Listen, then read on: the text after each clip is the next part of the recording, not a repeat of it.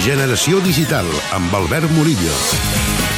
Aquest cap de setmana s'ha fet a Barbastre el Congrés del Llibre Digital, on s'ha debatut el futur immediat d'aquesta indústria editorial que tants canvis està experimentant.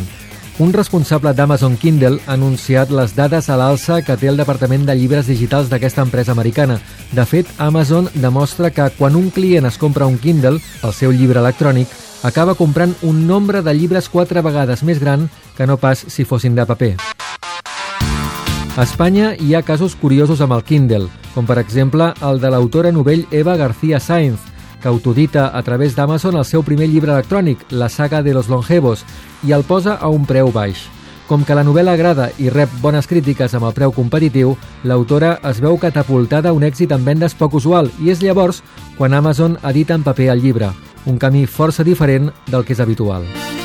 De tota manera, l'usuari, tant si llegeix llibres en paper com si en llegeix d'electrònics, trobarà en l'eina Goodreads una de les xarxes socials per a mans de la lectura més ben dissenyades i pràctiques.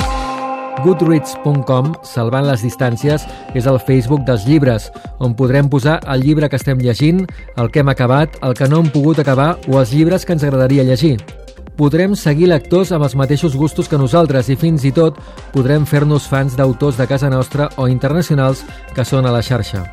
Una de les potencialitats d'aquesta aplicació és el cercador de llibres en gèneres. Si, per exemple, busquem un llibre de ciència-ficció, podrem trobar més de 20 subgèneres diferents. Goodreads.com és una aplicació web i és totalment gratuïta.